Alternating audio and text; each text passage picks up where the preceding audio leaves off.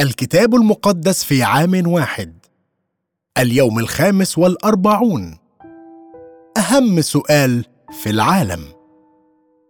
لم يكن أستاذ الفلسفة اللامع في جامعة لندن سي إي إم جواد مسيحيا. وسئل ذات مرة في أحد برامج الراديو لو أمكنك أن تقابل أي شخص من الماضي وتسأله سؤالا واحدا فقط فمن ستقابل وماذا سيكون السؤال؟ أجاب الأستاذ جواد بلا تردد سأقابل يسوع المسيح وأسأله أهم سؤال في العالم هل فعلا قمت أم لم تقم من الأموات؟ ثم أتى يوم في حياة الأستاذ جواد عندما قام بتقييم الدليل وتواجه مع يسوع نفسه وكتب كتابا يدعى شفاء الإيمان. إن كان يسوع المسيح قد قام من الأموات فهذا يغير كل شيء. عندما يتكلم كتاب العهد الجديد عن محبة الله فإنهم يشيرون إلى الصليب وعندما يتكلمون عن قوة الله يشيرون إلى القيامة.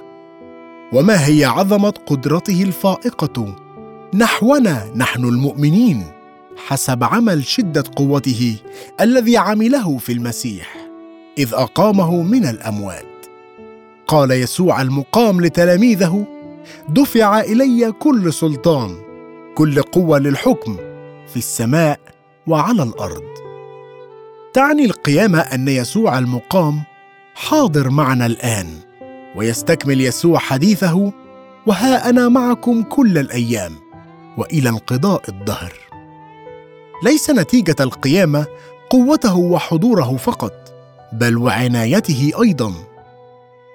قدرته بحسب العهد الجديد يسوع هو قوه الله. يسبح داود الله من أجل بقوتك وبجبروتك. إنه يتكلم عن ثقته في يدي الله وبالذات في يمينه. في الكتاب المقدس تستخدم اليد وعلى الأخص اليد اليمنى لترمز إلى القدرة والقوة. انظر مثلا في قراءة العهد القديم الخاصة باليوم. يتكلم داود عن يد الله القوية في الدينونة والحكم. في العهد الجديد يوصف يسوع المقام دائما بأنه عن يمين الله.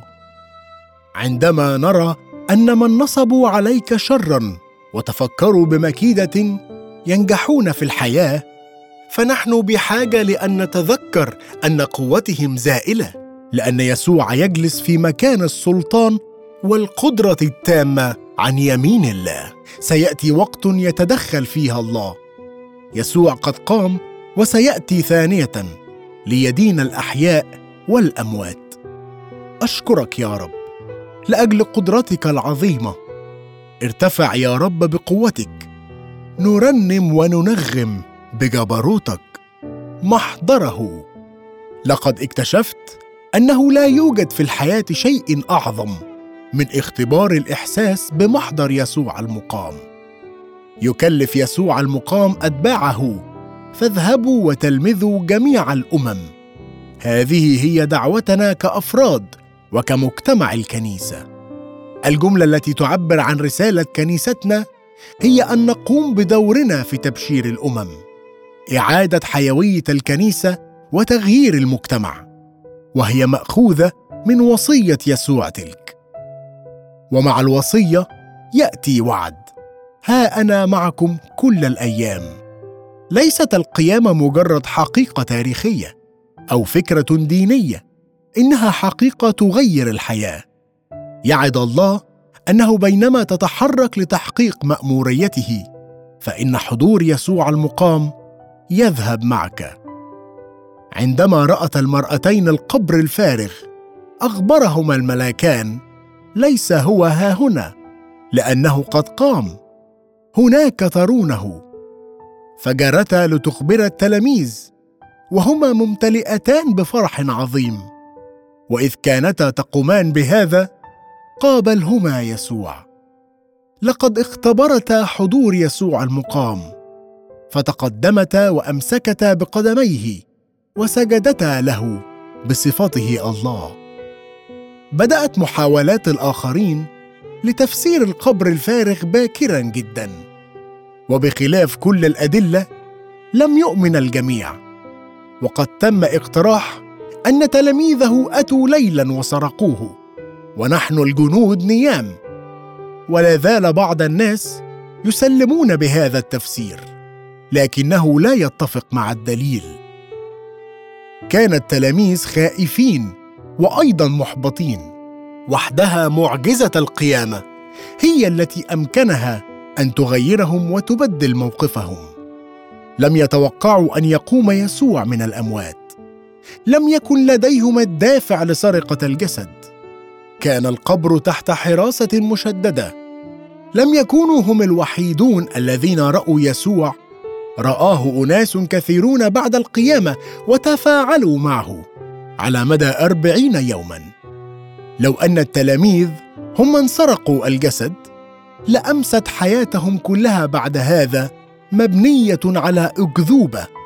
صار صديقي إيان ووكر وهو عالم بجامعة كامبريدج. مسيحيا لأنه لم يقدر أن يصدق أن التلاميذ كانوا مستعدين أن يتعذبوا ويقتلوا لأجل أمر هم يعلمون أنه ليس صحيحا. أنه حقا صحيح. يسوع قام. ليس الموت والدفن هما النهاية. وفي المسيح ستقام أنت أيضا من بين الأموات. لقد كانت النساء هن أول من عهد إليهن برسالة القيامة. وهذا جدير بالملاحظة. حيث أن النساء في هذا الوقت لم يكن يعتبرن شهودا ذوي شهادة سارية المفعول في المحكمة. وهن مثال من أمثلة كثيرة في الكتاب المقدس. عن نساء في موقع قيادة. مريم في فقرة العهد القديم لليوم هي مثال آخر. يبدأ إنجيل متى بقوله أن يسوع هو الله معنا. وفي آخر آية تماما في الإنجيل يؤكد يسوع على حضوره الأبدي الدائم مع كل أتباعه. وهو يعد من يؤمنون ويطيعون وصية يسوع. ها أنا معكم كل الأيام. أشكرك يا رب لأنك ترسلني لأذهب وأتلمذ كل الأمم وأنت تعدني أن معية يسوع المسيح ستكون حاضرة بينما أفعل هذا. عنايته الإلهية. هل أنت قلق بشأن المستقبل؟ صحتك وعملك؟ عائلتك أو أحوالك المادية؟ خذ قرار اليوم بالا تقلق. كتبت جويس ماير عندما نقلق بشأن الغد نهدر اليوم. ثق في الله وتعلم أن تعيش يوما واحدا في كل يوم. نرى في هذه الفقرة أن الله يعد أن يمدنا بما نحتاج لكن يوما واحدا فقط في كل مرة. علمنا يسوع أن نصلي خبزنا كفافنا. أعطنا اليوم. ثق في أن الله سيمدك بما تحتاج تماما عندما تكون في احتياج إليه. تعتبر ترنيمة موسى ومريم في سفر الخروج نموذجا رائعا عن هذه الثقة في الله. معبرا عنها في العبادة. لقد سبحوا الله لأجل صفاته ثم سبحوا الله لأجل ما فعله في الماضي الخلاص والإنقاذ والعناية ثم سبحوه أخيرا من أجل ما سيفعله في المستقبل. الهداية والخلاص والحماية والمدد الإلهي. يعد الله بعنايته وإمداده بحاجتهم المادية ويعد بأن يمطر عليهم خبزا من السماء. يدعى المن. كل يوم يمدهم بكل ما يحتاجون من حيث خبزهم اليومي. جمع كل واحد بقدر ما يحتاج ولكن قيل لهم ألا يخزنوه للمستقبل. لا يبقي أحد منه إلى الصباح. وهذا أمر اختبرناه كمجتمع كنيسة على مر السنين. يسدد الله كل حاجاتنا المادية لكنه لا يعطينا أكثر مما نحتاج. ونحن لا نخزن احتياطيا للمستقبل بل نثق في الله دائما أنه سيمدنا شهرا بشهر وسنة بسنة. إنها دائما تجربة فنحن نريد أن نخزن كل شيء نأخذه كنوع من التأمين للمستقبل بدلا من الثقة في أن الله سيمدنا بما نحتاج إليه وقتما نحتاجه. وهذا ينطبق أيضا على حاجاتنا الروحية. لا يمكننا أن نعتمد فقط على البركات الماضية. من المحزن أن نرى في هذه الفقرة كيف بدا شعب الله أنه نسي بسرعة صلاح الله ومعونته في الماضي. وبدأ يتذمر بخصوص مشكلات الحاضر. غالبا جدا ما نفعل نفس الشيء. ننسى بركات الله ونتذمر. تعد هذه الفقره تذكرة لنا. بحاجتنا لأن نثق في عناية الله في الأوقات الجيدة وأيضا في الأوقات الصعبة. يخبرنا يسوع نفسه أنه هو العون الأكمل من الله لنا فيقول أنا هو خبز الحياة أباءكم أكلوا المن في البرية وماتوا. هذا هو الخبز النازل من السماء لكي يأكل منه الإنسان ولا يموت. أنا هو الخبز الحي الذي نزل من السماء. إن أكل أحد من هذا الخبز يحيا إلى الأبد.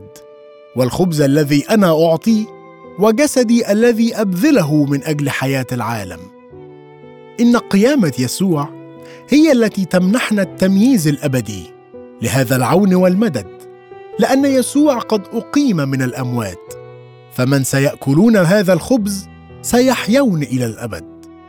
أشكرك يا رب لأنك تعد فيملأ إلهي كل احتياجكم بحسب غناه في المجد في المسيح يسوع.